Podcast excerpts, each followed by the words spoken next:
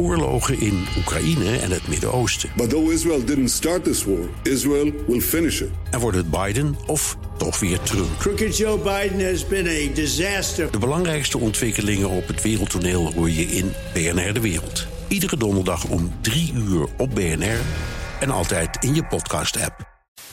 BNR Werkverkenners wordt mede mogelijk gemaakt door BrainNet. BrainNet voor zorgeloos en professioneel personeel inhuren. BNR Nieuwsradio. Werkverkenners.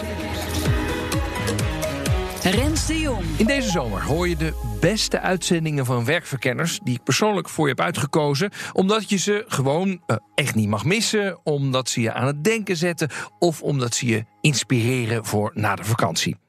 En de komende uitzending gaat over een mooi thema, namelijk welk werk wil je doen als je ouder wordt? En is het dan ook oké om minder te verdienen? Kortom, deze uitzending gaat over demotie. BNR Nieuwsradio. Werkverkenners. Ik weet niet hoe het met jou zit, maar als ik praat met vrienden over ons werk, dan draait het vooral om die vraag: hoe kan je nog een stapje beter, hoger, meer verantwoordelijkheid? Kortom, promotie. Want ja, zo betrap ik mezelf ook wel. Hoe steiler de carrièrecurve, hoe succesvoller wij iemand vinden in zijn of haar leven. Kijk maar eens op LinkedIn. Uh, jubelberichten over gemaakte carrière stappen. Duimpjes omhoog, felicitaties. Heel veel positieve comments. Maar ja, in al dit apenrotsgedrag is er één groot taboe. Berichten over een stapje terug, bijvoorbeeld een directeur die opeens weer verkoper wordt, zie je bijna nooit. Er wordt gewoon niet over gesproken. Want een stapje terug is in onze ogen toch degradatie, falen, uh, hokje ongeschikt. Wie degradeert, moet zwijgen. Mijn naam is Rens de Jong.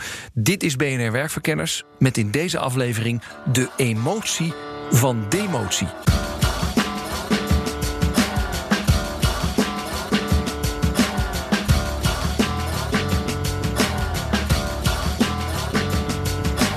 Uit het meest recente onderzoek van CBS en TNO blijkt dat 4% van alle medewerkers in 2016 te maken kreeg met demotie. En dan gaat het vooral om oudere werknemers. 55-plussers krijgen er het meeste mee te maken. Toch zien we het ook bij jongeren voorkomen. Maar ja, demotie, het is iets waar we liever niet over praten. Er is zeker een taboe. Ik merk dat de laatste jaren wordt in ieder geval wat meer over gesproken. Maar dat laat onverlet dat. Uh, ja, demotie bevindt zich wel in taboesfeer. Ik ben uh, Richard Jongsma, van huis uit uh, HR-professional. En ik heb uh, in 2014 mijn eerste boek geschreven over demotie. Nou, dat kent verschillende oorzaken. Allereerst, sommige mensen zeggen van... god, het ligt in het woord zelf, demotie. Hè, met name de prefix D. Dat hetzelfde is als degraderen en declasseren. Nou, dat ja, daar kleven wat, wat een stigma aan, hè, van niet meer mee kunnen komen, uh, uh, falen. Uh, ja, het is te moeilijk voor je. Ja, ja, precies. Dus wie wil daar nu mee geassocieerd worden? Niemand. Um, maar daarnaast betekent natuurlijk ook wel iets voor medewerkers. Hè. Werk is belangrijk in onze cultuur. We leven in een prestatiemaatschappij. je volgt een opleiding, krijgt een diploma, um, doet werkervaring op.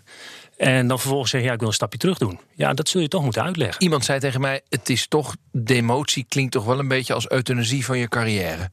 Nou ja, ik. ja, nou ja.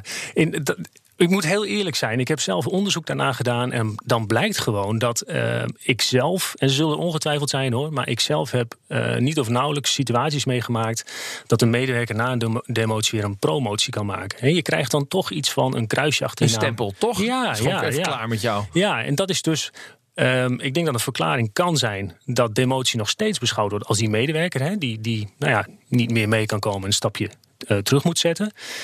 Terwijl die groei en ontwikkeling, daar zou het natuurlijk best kunnen zijn. Die zegt van, goh, je doet een stapje terug. Uh, wetende dat het bijdraagt aan je persoonlijke ambitie en groei in je functie. Dus we zitten met z'n allen wel gevangen in een soort idee van... je carrière moet altijd omhoog gaan. En uh, omhoog gaan betekent altijd in verantwoordelijkheid omhoog gaan... en niet in de breedte. Want dat is eigenlijk, vinden we, onbelangrijk. Ja, en op zich is dat natuurlijk heel opmerkelijk als je nagaat dat de organisaties de laatste jaren steeds platter zijn geworden. En dus dat de kansen om te groeien en te klimmen ook steeds kleiner zijn geworden. Um, dat je een ontwikkeling ziet waarbij er steeds meer project- uh, en opdrachtgestuurd uh, werken plaatsvindt.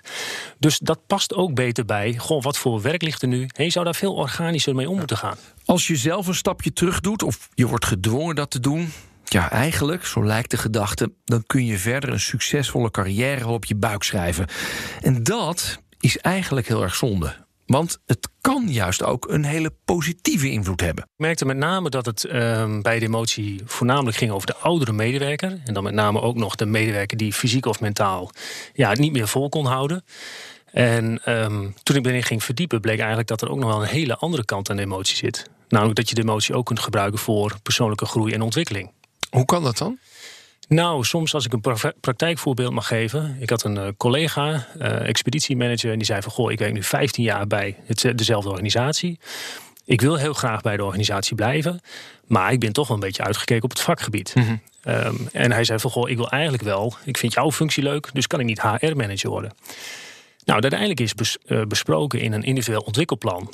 eh, van, goh, dat is prima, maar je doet eerst een stapje terug. Dus je wordt eerst HR-adviseur... Uh, we gaan je investeren. Uh, je gaat een opleiding volgen. Um, ga ook maar eens aan de andere kant van de tafel zitten en meters maken. En we houden periodiek hebben we gesprekken. En als dat van beide kanten goed bevalt, dan kun je uiteindelijk weer doorgroeien mm -hmm. naar de functie van HR-manager. Dus die medewerker wist al, voordat hij een stap terug zou zetten, dat die vorm, deze vorm van demotie zou bijdragen aan zijn persoonlijke groei en ontwikkeling. Oké, dus door een stap achteruit te zetten, kan je er later misschien weer twee vooruit zetten. En daarom is het zo jammer dat er toch zo'n negatief beeld hangt aan het woord demotie.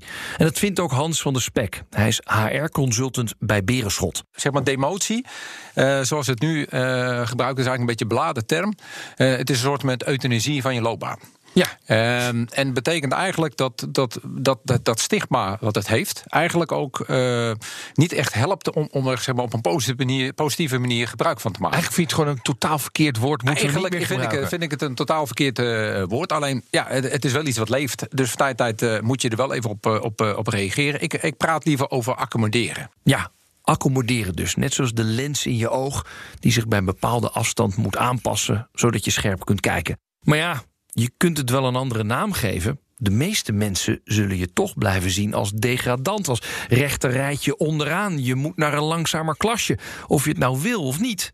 Of, zoals Richard het noemt. We zijn uiteindelijk gewoon schaaldieren geworden. Hè? En, en dat is natuurlijk hartstikke achterhaald. Ja. Want, want dat is nog uit een tijd dat de ambachten een rol spelen. En dat je, dat je automatisch een stap maakte. En dat je vakvolwassen werd aan het eind van je... Hè? Je was vakvolwassen aan het eind van je schaal. Ja, dus we hebben een beloningssystematiek... die eigenlijk niet meer past bij de huidige maatschappij. Nee. Ik bedoel, uh, hoeveel mensen krijgen uh, jaren inwerktijd... voordat ze het vak onder de knie krijgen? Dat is niet meer zo. Nee. Uh, en inderdaad is het ook zo dat ouderen zich daarmee uit de markt prijzen. Hè? Daarom ben ik ook zelf wel een voorstander van het aanpassen van de arbeidsvoorwaarden. Want als je dat niet doet, belemmert dat ook de externe mobiliteit bijvoorbeeld. Want dan krijg je medewerkers die zeggen van goh, en dat kan een veertiger zijn, een vijftiger, die zeggen van ja, ik, heb, uh, ik wil eigenlijk wel wat anders. Uh, maar ja, uh, ik heb altijd mijn salaris gehouden, allemaal garantielonen. Dus als ik naar een andere werkgever ga, krijg ik het nooit zo goed. Dus ik blijf maar zitten. Nou, dat is natuurlijk dodelijk voor je mobiliteitsbeleid. En vroeger was het natuurlijk ook een hele dringende reden om dat te doen. He, toen hadden we nog het, uh, qua pensioen het eindloonstelsel. He, dus dat je inderdaad van, op basis van wat je het laatste had, dat betaalde, dat bepaalde ook je uh, pensioenuitkeringen. nou, daar zijn we inmiddels, of een merendeel van de organisatie is daar vanaf. Dus ook dat is denk ik aan de orde. Ik denk dat het nu wel tijd wordt om meer ook van de woord kwaliteit van het leven te kiezen.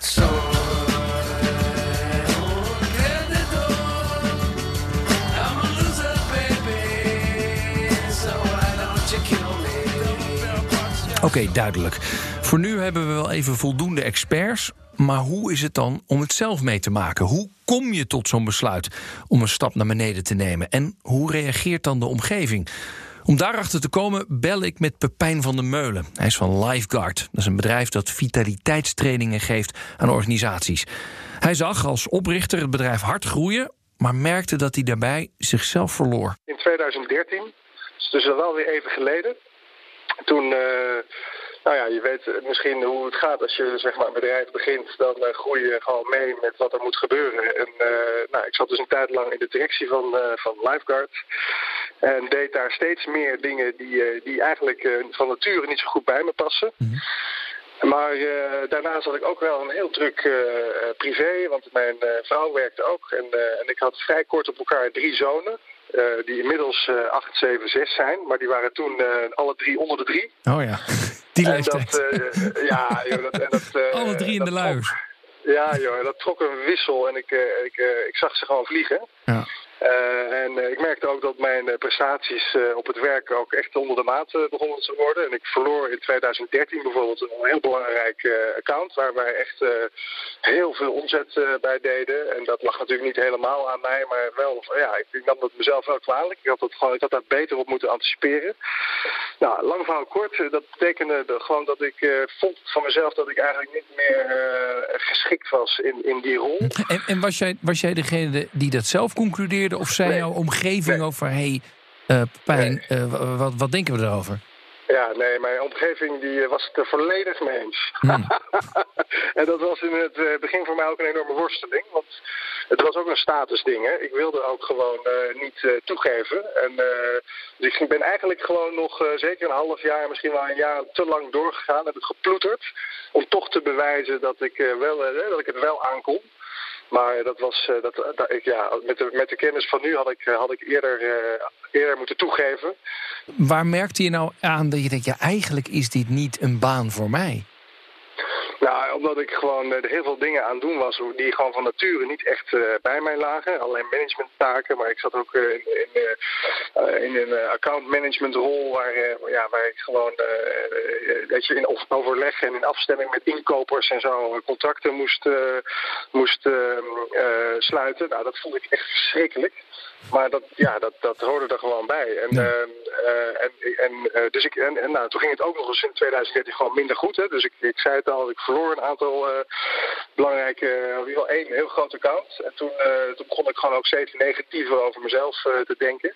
En over mijn toegevoegde waarde. En ik, ik wil niet zeggen dat ik echt overspannen ben geraakt. Maar ik zat er wel heel dicht, heel dicht tegenaan. En wat is dan het moment geweest dat je denkt... misschien past deze baan gewoon niet. En was, kwam dat ja. in je eigen hoofd op of hebben anderen ja. dat tegen je gezegd?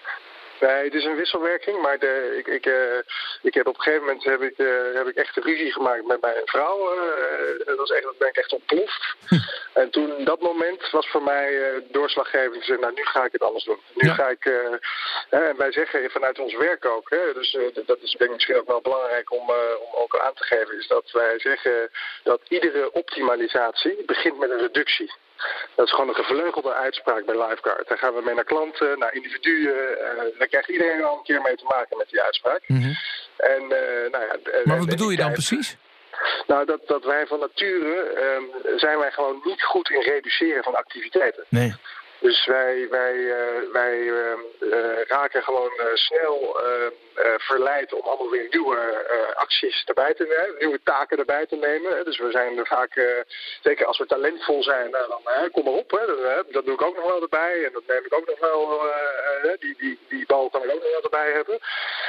maar ondertussen slepen we al het andere gewoon maar mee. Hè? En dat is niet alleen in het werk, maar ook privé. En, en, en dat maakt dat het ook weer echt ten koste gaat van, van ja, goed voor jezelf zorgen. Ja. Goed, uh, goed slapen, goed eten, genoeg sporten. Al die dingen, die, nou ja, daar zat ik dus zelf ook midden in. Hoe, hoe snel heb je geschakeld daarna? Uh, ja, vrij snel hoor. Zo'n grote organisatie, uh, grote organisatie zijn wij. Uh, nou, toen, in ieder geval toen waren we nog wat kleiner. En nou, dus dat, was vrij, dat was vrij snel. Met een aantal gesprekken was het duidelijk dat ik, dat ik het anders ging inrichten. En toen heb ik echt mijn werk, in ieder geval mijn aandachtsgebied, heb ik meer dan gehalveerd. In, in, in, in een maand tijd ongeveer. En, uh, en ik ben echt weer helemaal weer uh, uit de operatie en helemaal terug in het vak. Dus ik ben ook toen begonnen weer echt als coach en als trainer. En ik, uh, ik heb, ik heb her en der ben ik wat meer me gaan richten op gewoon het echte het advieswerk. Maar dus gewoon echt niet meer het aansturen van een organisatie. En dat, dat was voor mij een enorme opluchting. En daar, nogmaals, daar heb ik de organisatie ook enorm plezier mee gedaan. BNR Nieuwsradio. Werkverkenners. Als we promotie maken, dan hangen we het met z'n allen aan de grote klok. Iedereen mag het weten, want promotie is succes. Meer geld, meer macht, meer invloed en vooral meer status. Maar bij demotie houden we de lippen liever stijf op elkaar. Richard Jongsma schreef twee boeken over demotie. En hij zag van dichtbij hoe moeilijk het was om weer een tja, sociale identiteit op te bouwen na demotie. Een demotietraject is eigenlijk een soort, soort individueel rouwtraject. Hè? Dat, dat bestaat uit een aantal fasen. Het is meestal een aanleiding. Dan heb je een breekpunt, dan zit je met elkaar in gesprek. Uh, dan, nou, dan heb je het er wederzijds over. Hè? Dus uh, het gaat over communicatie, over de gevolgen en uiteindelijk die aanvaarding. Dat zijn een beetje de fasen die je terug ziet komen binnen een demotie. Nou ja, en zoals gebruikelijk bij, bij een individueel veranderd traject en ook bij ja, een soort, soort mini-rouwproces, hè, wat het toch vaak is, is dat je enerzijds merkt dat je soms echt stappen maakt. Dan herken je die fase ook. En ja, dat houdt soms ook in dat, dat er soms weer een terugval is. Mhm. Het is ook een proces. En wat, wat is de terugval dan? Nou, ik heb wel eens gesproken met, zelf met een medewerker die, waar ik afspraken over had. En toen ja, werd het heel concreet, zou het bewijs van spreken op papier zetten. Toen zei hij, ja, maar ja, als ik nu uh, advocaat inschakel... of uh, ja, kunnen we het nog, toch nog niet eens hebben over het niet aanpassen van de arbeidsvoorwaarden. Want ja, dus die viel als het ware weer ja. terug in een eerdere fase. Ja. ja. En toen? Nou ja, in dat geval heb ik gewoon gezegd: ja, we kunnen het heel juridisch maken. En dat is altijd maar afhankelijk van wie er gelijk krijgt. Ehm, en ik heb ook gewoon wel weer gerefereerd aan het proces wat we hadden doorlopen. Maar je merkt ook gewoon, het was niet zozeer onwil. Maar het is ook, ja, het is ook die onzekerheid. Hè? Dus, dus het doet ook echt iets met mensen. En nou, waar we het net, al over hadden, dat hoe belangrijk werk voor ons is. Je moet ook weer een nieuwe sociale identiteit opbouwen. Hè? Ja, je, moet, nou ja, je, je hebt opeens een, een ander werk. Leg het maar eens uit. Ja. Uh, je brengt thuis minder salaris mee. Mensen koppelen toch salaris aan hoe je gewaardeerd wordt. Dus ze voelen mhm. zich minder gewaardeerd. Ja. Hoe moet je daar dan. Hoe gaan mensen daarmee om? Ja, heel wisselend. Dat, dat heeft puur te maken met copingstrategieën van mensen zelf. De ene eh, medewerker maakt heel veel ellende mee en, en, en gaat maar door. En een ander die, eh, ja, die stoot zijn knie en die, ja, die blijft huilen. Dus dat, dat is heel erg verschillend. Maar ook het thuisfront, wat ik net al zei. Hoe maak je het bespreekbaar? Heeft iemand het zien aankomen of niet? Uh, zijn de uh, gevolgen goed duidelijk? Hè? Weten mensen ook wat hun rechten en plichten zijn? Ja, demotie is niet niks. Het is een rouwproces. Je neemt afscheid van een bepaald leven. Een identiteit. En zeker in Nederland waar, of je het nou wil of niet... werk een groot gedeelte van je identiteit bepaalt. Terug naar Pepijn van der Meulen. Hij besloot dus een stapje terug te zetten. Was hij niet bang voor zijn status? Ja, zeker. Zeker, ja. Zeker. Daar heb ik, daar zeker ook in die, in die periode voelde het wel als falen. Het voelde echt als, uh, jezus, weet je, laat ik iedereen uh, nu zitten en...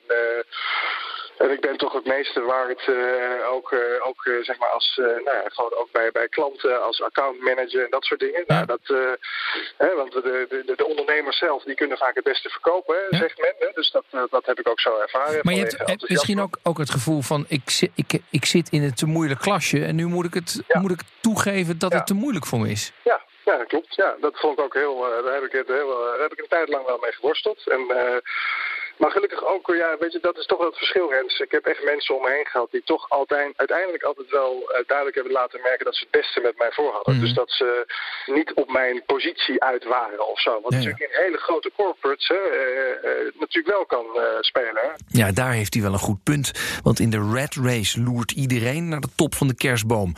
En daarnaast besloot Pepijn zelf om zijn demotie in gang te zetten. Dus het was geen geplande reorganisatie of een overplaatsing onder dwang. En toch worstelde Pepijn enorm met de gevolgen van zijn beslissing. Invloed uitoefenen, dat is een van de belangrijkste dingen die ik. Uh, waar ik mee worstelde toen ik uit die, uh, die, uh, die directierol eh, stapte of mhm. ging. En mensen willen toch gewoon invloed. Hè? Dat is toch een belangrijke soort van ja, behoefte. En uh, en ik heb toen wel gemerkt, uh, nou, nou, dat, ging wel zeg maar een half jaar aan, hè, ging daar aan voorbij. Hè, maar de, dat, dat invloed veel meer zit in, in energie, hè, in hoe jij je voelt, dan in uh, jouw positie. Dus dat, ja, ja. Uh, dat was voor mij een hele waardevolle les. Maar het was, een, dus je... het was dus een opluchting, begrijp ik. Als ik je ja, zo het was een enorme opluchting. Want je dacht, ik, ik heb eigenlijk geen invloed meer, want je, je doet een paar stappen terug op de hiërarchische ladder. Ja, exact. Maar dat valt eigenlijk reuze mee. Nee, en dat dus, dus jouw energie, als jij gewoon upbeat bent en je hebt goede ideeën en je bent uh, niet uh, rigide in allerlei, uh, nou ja, weet ik veel, confrontaties, dan, dan, ja, dan krijg je eigenlijk veel meer voor elkaar mm. dan als jij in de, in de, de misschien wel leiderpositie zit, maar met weinig energie en, en, en heel erg, nou ja, ehm, bozig of hoe, hoe, hoe, hè, hoe, hoe je het ook wil noemen. Want ik, in die periode dat het niet zo goed ging met mij, was ik ook makkelijk en vaak een beetje bozig. Ja. Dat is echt wel. en dan, dan, krijg je, dan krijg je gewoon heel weinig voor elkaar. Heeft het voor jou financieel nog veel uitgemaakt? Ja, wel wat. Wel wat. Ja. En Nou verdiende ik al niet. eh, ik bedoel, verdiende prima. En ik eh, ben, eh, ik ben ehm, eh, eh, door die stap ben ik een klein beetje op achteruit gegaan. Maar niet, niet, niet zeg maar dat mijn inkomsten opeens met een kwart minder waren. Dat Nee. niet. Maar ik zit nog steeds op hetzelfde op, sinds vier jaar. Je bent niet meer doorgegroeid. nee, ik ben niet meer doorgegroeid. Nee, nee. Vind ik ook niet zo'n heel groot probleem.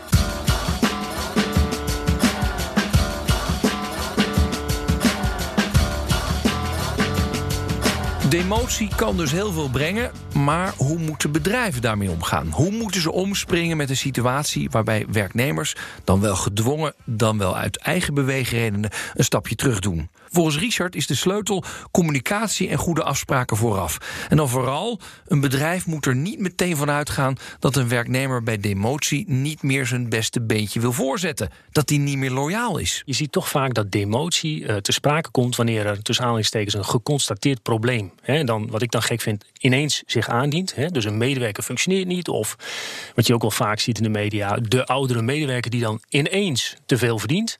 Ehm, en zij zeggen, ja, je moet veel meer met elkaar in gesprek. Ehm, ehm, tijdig waar sta je? Hè? Dus werk ook veel meer met eh, eh, levensduren per functie. Hè? Dus zeg van joh, als je hier nou drie, vijf of zeven jaar deze functie vervult, wat wordt je volgende stap? En wat hebben we dan nu al nodig? En wat, wat verlangen we van elkaar? En welke hulp en ondersteuning eh, moeten we elkaar dan bieden om daar te komen? En dus veel meer aan die voorkant afspraken maken ehm, dan aan de achterkant. Dus die kwaliteit van die arbeidsverhouding met elkaar in gesprek, dat was veel belangrijker. Ik heb bijvoorbeeld eh, voor het boek ook Foppe de Haan eh, geïnterviewd. En ik zei van, goh, zit er ook een vergelijking met een voetballer en een medewerker? Hè? Want een voetballer, ik ga ervan uit dat hij elke wedstrijd 90 minuten wil spelen. Wat is die nu op de bank zet? En ja, hoe hou je die gemotiveerd? En toen zei hij, ja, aan de ene kant lijkt het op elkaar, maar het is ook wel heel erg verschillend. En dat heeft ermee te maken, hij zegt van, als een medewerker hier op de bank zit, ik praat dagelijks met die jongens. En daar hij al een verschil met het bedrijfsleven. Hè. Dan heb je de klassieke functioneers- en beoordelingsgesprekken. Eh, dus hij zegt, ik doe dat veel frequenter. En bij ons is een stap terug. Eh, dan maken we een individueel plan met zo'n voetballer. Want vergis niet, iemand kan op de bank zitten. Maar eh, moet ook kunnen invallen tijdens zo'n wedstrijd. Hè. Dus iemand moet gemotiveerd blijven. Dus waar ik zelf achter kwam, is die kwaliteit van die, van die arbeidsverhouding. Regelmatig met elkaar in gesprek. En met name ook dat toekomstperspectief. Dat is toch wel heel erg belangrijk. Die arbeidsverhouding goed houden, daar is HR-consultant Hans van der Spek van Berenschot het helemaal mee eens. En dat kan je doen door als bedrijf een goed beleid op te stellen. Dat je van tevoren duidelijk maakt van op het moment dat het aan de orde is, onder welke voorwaarden vindt zoiets plaats. En eh, dat, dat geeft wat dat betreft al heel veel helderheid, zowel voor werkgever, hè, eh, de, de, de leidinggevende in de in discussie, als de medewerker. Ja, dat ja. ze eigenlijk van niet uit hoeven van ja, stel nu Hoe dat, zit dat nou precies? Ja, en, Eigenlijk zeg jij van eh, het, het, het gebeurt misschien niet heel veel, maar als het gebeurt, dan kan het heel snel een rommeltje worden, omdat mensen eigenlijk ook niet een idee hebben hoe werkt dat nou precies. Ja, en het zit, ja, en het zit denk ik ook in, in de beleving van, van het begrip. A, het is nu een beladen term. Maar B, als het heel erg onduidelijk is wat de consequenties ervan zijn, dan wordt het ook een heel erg lastig bespreekbare optie. Nog één keer terug naar ervaringsdeskundige Pepijn. Heeft hij nog tips voor mensen die een demotie overwegen? Dit is misschien een gekke tip, maar eh, de tip die, waar ik zelf veel aan heb, eh, heb gehad, eh, en maar die, en die heb ik net ook al even genoemd. Maar het is belangrijk om in welke organisatie je ook actief bent en ook op welk niveau maakt eigenlijk ook niet zo gek veel uit, maar dat je je een paar keer per jaar de, de vraag stelt. Het zijn eigenlijk twee vragen. En de eerste vraag is, heeft mijn direct leidinggevende het beste met me voor? Hè, op een stoplichtmodelletje van rood, oranje, groen. Eh, en de tweede vraag eh, is, eh, heeft, of kan ik van hem of haar nog wat leren? En dat hoeft niet direct, maar dat kan ook indirect voor, van die persoon uitkomen. Dat die je stimuleert om jouw interessegebied te blijven voeden en dat je cursussen blijft volgen of opleidingen. Maar dat je, dat je die twee vragen, dat je daar zeg maar, gewoon kritisch naar kijkt. van ja, hoe is dat voor mij? Want als jij inderdaad op, op oranje-rood ziet, op één of allebei van die stoplichtjes, dan, dan worden dit soort vraagstukken waar ik dan zeg maar mee, zo, zo mee worstelde in 2013, die worden heel moeilijk. Ik, ik vind wel goede vragen, maar misschien voor de situatie wat vreemd. Want ik zou denken dat je dan vragen stelt over je huidige werk en of het wel bij jou past. Maar dat zijn niet de top twee vragen die je jezelf stelt. Nee, nee dus ik, bij mij gaat er dus nog één vraag aan vooraf. Is dat je je veilig voelt. Hmm. dus dat je, dat je letterlijk jezelf kan zijn. Ah. Uh, en als je jezelf kan zijn, dan kun je ook toegeven en je kwetsbaar opstellen dat je gewoon iets gewoon niet goed genoeg meer kan. Of dat je een bepaalde periode uh, even wat meer tijd wil uh, besteden aan je gezinsleven. zonder dat je dat, dat meteen totaal ambitieloos wordt opgevat. Kortom, demotie kan je heel veel brengen. Als je in een veilige omgeving zit zonder haantjes die alleen maar op je baan zitten te jagen, kan een stap terug weer nieuwe energie geven voor je loopbaan. Maar de emotie blijft toch een taboe. Je krijgt, of je het nou wil of niet, toch een kruisje achter je naam. En als de demotie niet vrijwillig is, dan is het helemaal moeilijk. Voor bedrijven is het daarom cruciaal dat er gedegen beleid komt, zodat medewerkers van tevoren al weten wat ze te wachten staat. En als je daar toch overweegt, is mijn tip: praat er eens over. Met je vrienden, daarna misschien wel met je baas. Wellicht brengt het ook heel veel positieve dingen. Dit was BNR Werkverkenners. Wij zijn de volgende week weer. Dag. I'm a driver, I'm a winner. Things are gonna change, I can feel it.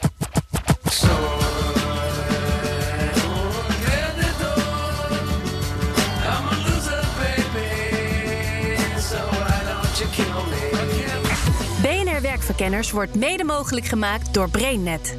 BrainNet voor zorgeloos en professioneel personeel inhuren. Bij BNR ben je altijd als eerste op de hoogte van het laatste nieuws. Luister dagelijks live via internet. Bas van Werven. En heel langzaam komt de zon op rond dit tijdstip. Je krijgt inzicht in de dag die komt op BNR, het Binnenhof in Nederland en de rest van de wereld. De Ochtendspits. Voor de beste start van je werkdag. Blijf scherp en mis niets.